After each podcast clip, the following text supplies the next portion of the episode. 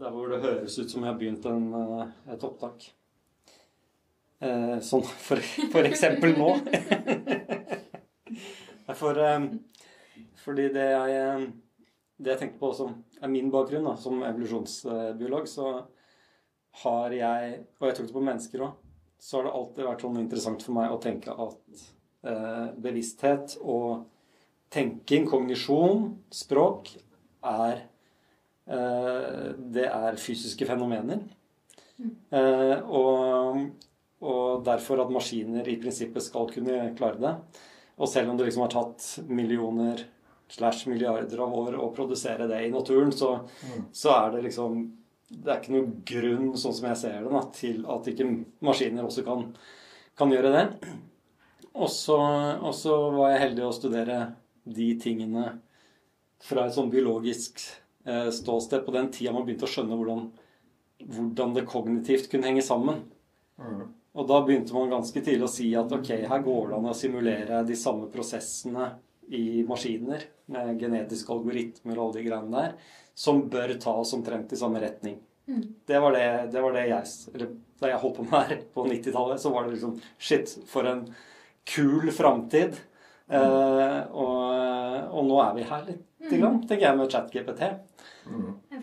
Det er jo det sinnsfilosofiske argumentet om at altså, du kan jo erstatte et nevron med noe elektrisk som Mm. gjør akkurat det samme. Ja. Hvis du erstatter hvert eneste nevron som gjør akkurat det samme som det nevronet det erstatter, så burde man kunne gjenskape bevissthet. Eller er det noe som Nei, det var fanges utenfor Ja, fordi det var jo ikke en sånn fysisk bygg en elektronisk hjerne-tanken. Nei, nei, nei, men det er på en måte det grunnleggende. At Som Ja. hvis man aksepterer At hjernen er fysiske prosesser i utgangspunktet. Ja. Mm. Eller egentlig så er det mer interessant hvis man ikke aksepterer det argumentet, for da må man forklare hva som ligger utenfor det fysiske. Ja. Det, Og svaret, svaret mitt på det er jo, det er jo informasjonsprosessering, da, Mm. mer eller mindre, som er Hvis du tar den gamle sånn debatten, filosofiske debatten om du har liksom tanker og bevissthet kontra det fysiske, så, så kunne ikke de filosofene noe om informasjonsteknologi. Mm. Og det var nøkkelen som var borte, og så har man liksom fått det på plass. og så... Tenker du da liksom at eh, bevissthet og sånn, det, er- det er egentlig ikke noe fysisk? Det er bare noe vi mennesker på en måte har karakterisert? Ja, jeg tenker altså, Nå, ja, nå, nå sporer vi inn på mennesker med en gang, men, men i, i hodet mitt da, så er eh, Eller ut ifra evolusjonsteori så kan du forvente at språket er én ting. Ja. Eh, bevissthet er en annen ting. Eh, eller flere ting. Og dette er type på en måte ulike moduler da, som, eh, som, eh, som egentlig er tilpasninger. Og det er selvfølgelig resultater av en fysisk prosess, og det er fysiske fenomener. Så hvis man på en måte Hvis man ønsker å gjenskape det, så kan man gjøre det ved å skape noen iterative designprosesser som kan summe og gå i mange, mange generasjoner. Det er litt interessant å høre det da, fra en med din bakgrunn. Mm. Fordi veldig ofte når jeg har eh, møtt eh, mennesker ute, den gjenge liksom, nordmann, så har det liksom vært eh, Det er noe iboende med mennesker. Språk er en iboende ferdighet. Kreativitet er en iboende ferdighet. Mm. Som liksom det, det er beviset på at du er et menneske, liksom, at uh, du kan liksom forstå de her greiene. Og så har det uh, blitt egentlig ganske godt bevist i 2022 at alt vi mener liksom er iboende med mennesker, det er det som er veldig enkelt å gjenskape med kunstig intelligens. Mm. Det vi sliter med, det er liksom å ha en maskin i den fysiske verden som liksom kan gå rundt og åpne dører. Mm. Sånne type ting. Mm. Det er veldig interessant. Eh, dere har jo, begge dere to har jo jobbet med å lage disse tingene. Hva, hva tror dere er det vanskeligste å Hvis vi bare tar menneskeperspektiv, da. Liksom. Hva er unikt menneskelig? Vi skulle lagd, vi skulle lagd en maskin som lurte alle. Den liksom framtidsroboten som var et, som om et menneske. Hva, hva er det største hinderet på det? Er det det fysiske? Er det muskelen og, og det, er noe annet? Det virker jo sånn for min del, da. Mm. Vi har allerede hatt uh, eh, artikler i media hvor folk har sendt uh, noe som har vært skapt med ChatGPT til noen, og så har liksom ingen har tenkt over at det her var generert av noen andre enn den personen som sendte det. Mm. Jeg er enig. Altså, sammenligner man ChatGPT med f.eks. de robotene fra eh, Robotics Hva heter det?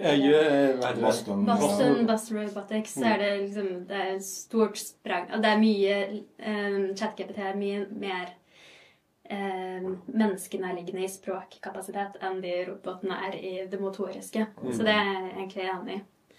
Um, og så er det jo forskjell da på Kreves det at man skaper vilje, eller holder det å bare emulere vilje? For det, det, nei, det er jo kanskje det som er eh, Det syns jeg er veldig kult med det du har studert. Da, at uh, dette er jo interessante filosofiske spørsmål. ikke sant? Og det handler om hva som du nevnte, at eh, eh, hva tror vi om mennesker? Tror vi at dette her er eh, noe som ligner på en sjel og er helt sånn magiske evner, eller er det liksom Er det, er det gjenskapbart, da? Vi er jo litt sånn narsissistisk mennesker, er vi ikke? mm, Vi liker jo å tro at det er noe spesielt med oss, selv om på en måte vi er et mikroskop i det store hele universet. mm. Har, eh, har dere lest en bok som heter uh, How the Mind Works? Det er i hvert fall en del. Nei. Har? Nei. Mm. Det er jo og jeg, det, var, det er en eh, evolusjonspsykolog. Han heter Steven Pinker. De fleste har sikkert hørt om han. Han, eh, han klarte å skrive en bok som heter eh, How the Mind Works.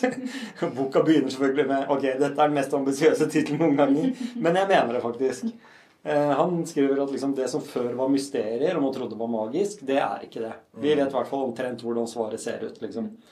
Og, og bruker mye av det vi har snakket om nå, dette her med å tenke systemer, kognitive prosesser som informasjonsprosessering, så forstår man veldig mye mer av hvordan sinnet kan virke. Mm. Og Hvis du da tenker evolusjon som det som er grunnen til at ting blir designa på den ene måten eller den andre, så, så slår de to sammen. Så, så får du i hvert fall en prosess som kan forklare det fysiske fenomenet. Mm. Eh, hvor var det jeg ville med det?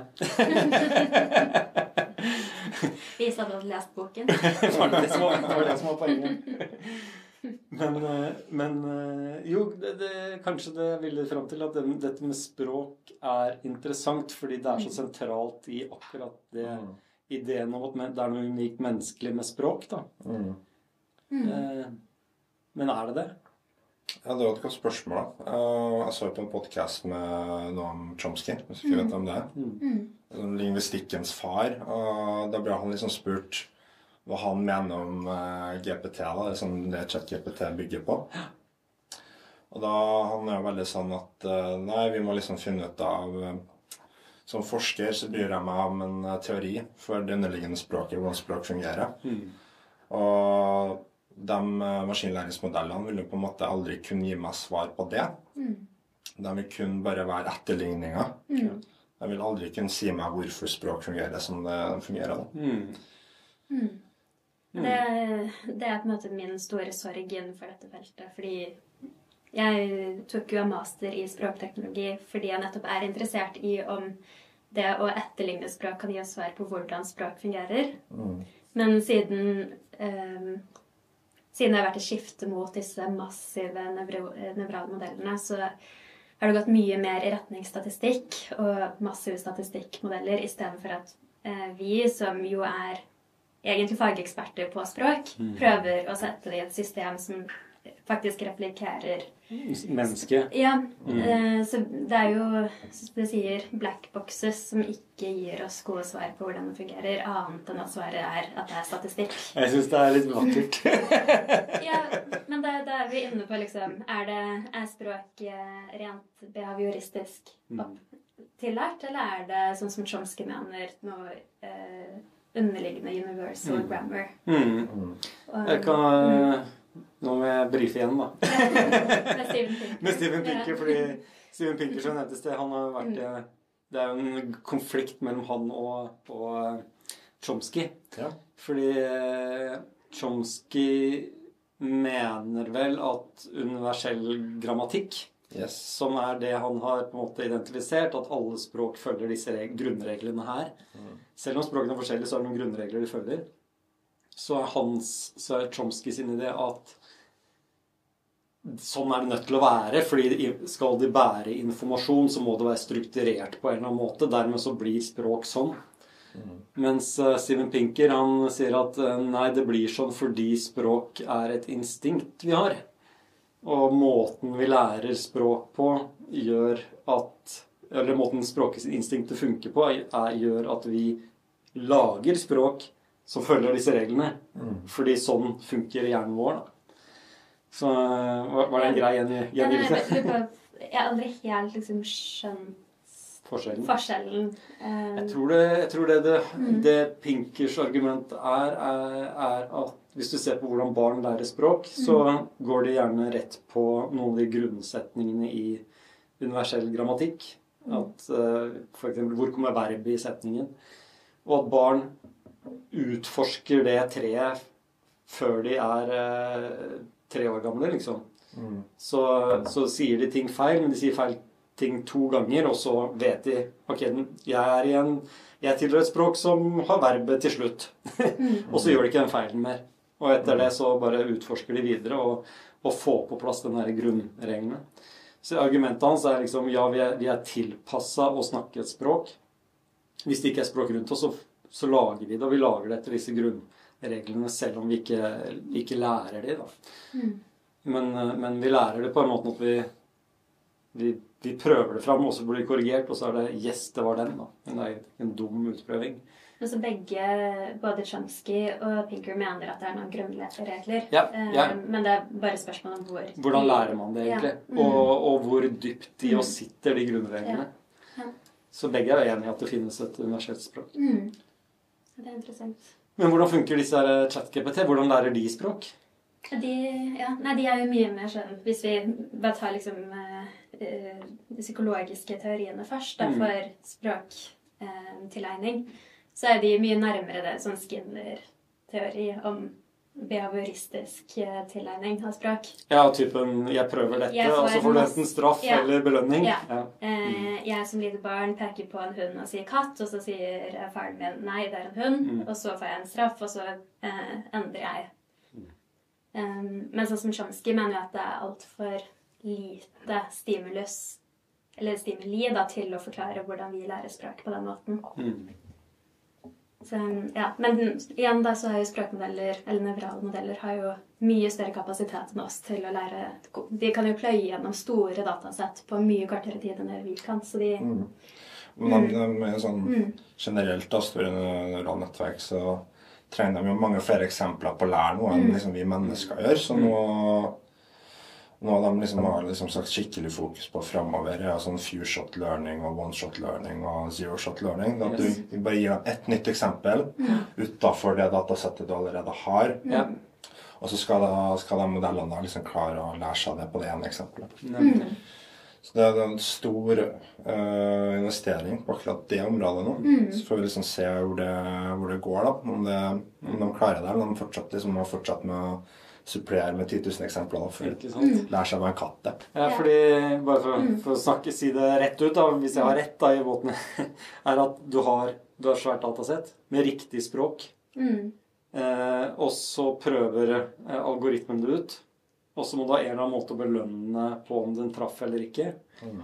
Eh, og, eh, og, så må den prøve igjen, da, basert på det. Mm. Og det er vel eh, det er vel eh, si, det, er, det, er, jo en evolusjonær prosess. da, ikke sant? At du mm. gir et eller annet fitness score på den om den traff eller ikke, og så har du en ny generasjon som prøver på nytt. Mm. Basert på ja. feedbacken i, i, forrige runde. Forskjellen er at det bare er ett individ. da. Ja, ok. Mm. Så du har ett nevralt nettverk som produserer en output, og så mm. Det, det du mm. uh, snakker om der med genetiske algoritmer, det er liksom mm. uh, du bytter ut uh, bra gener som overlever yes. en iterasjon, og så overlever dem til det neste. Yes. Mens nevrale nettverk blir mer simulering av hjerneprosessen og hvordan mennesker lærer. da. Ja. Jeg, har sett, ja. Ja. Nei, ja. jeg har sett forsøk på og der er det genetisk algoritme med nevrale nettverk. Man bytter Ja, det har jeg tenkt i hodet mitt, at sånn er det ja, helt. Men det blir fort altfor alt for stort for etten. Sånn som uh, chat, eller GPT3 mm. eller BERT, uh, for eksempel. De er jo så ekstremt massive at det er ikke Mm. feasible å kjøre genetiske algoritmer for uh, prime Altså 175 millioner parameter mener jeg lest på GPT3. Ja. Som var 110 ganger flere parametere enn GPT2. Og nå ryktes det Så nå GPT3 koster jo 10 millioner dollar å trene mm. Ja. hele det Det slipper ut mer enn en gjennomsnittsamerikaner slipper ut i løpet av sin livstid å trene den opp en gang. Mm. Så det er ganske heavy prosesser. Og Nå ryktes jo liksom Mm. De fortsetter å videreutvikle ChatGPT på GPT 3,5, som liksom kom nå i 2022. Og så skal liksom chat, Nei, ikke ChatGPT, men GPT4 da, det skal komme uh, i nær framtid. Ja. Og der ryktes det at der er det liksom 500 ganger flere parametere enn GPT3. Mm. Så hvor mange titalls millioner kosta det å trene opp, da? Så Det er jækla interessant, og det tror jeg egentlig er en fin avslutning på denne episoden. Så tar vi en ny en etterpå, fordi hva, hvem eier dette her? Hva koster? Hvem betaler for dette her? da? Bare strømmen i å bruke det. Men bare lyst til å avslutte med liksom, tenk på hva hjernen bruker av energi. Og hvor finslipt den er. For den gjør jo de beviselig disse tingene og den gjør det bedre. Eh, men det er liksom ikke noen overraskelse at det er det stedet som brenner mest kalorier. Og i evolusjonshistorien så henger det nok sammen med at vi ble kjempeflinke til å lage mat. Som også førte til en sånn hjerneeksplosjon. Plutselig kan du, plutselig kan du faktisk eh, investere masse i å prosessere mye datakraft i hjernen. Jeg tror det var i Homo sapiens jeg leste at Mm. eh, grunnen til at menneskehjernen ble så stor, var at vi begynte å spise mye flere proteiner. Yes. Ja. Fordi et nevron, altså en nervecelle, da, bruker seks ganger mer eh, proteiner enn det på en måte en muskelcelle gjør. Nemlig. Nemlig. er interessant. Mm. Nå møter vi det samme i, eh, i skyen. Kult.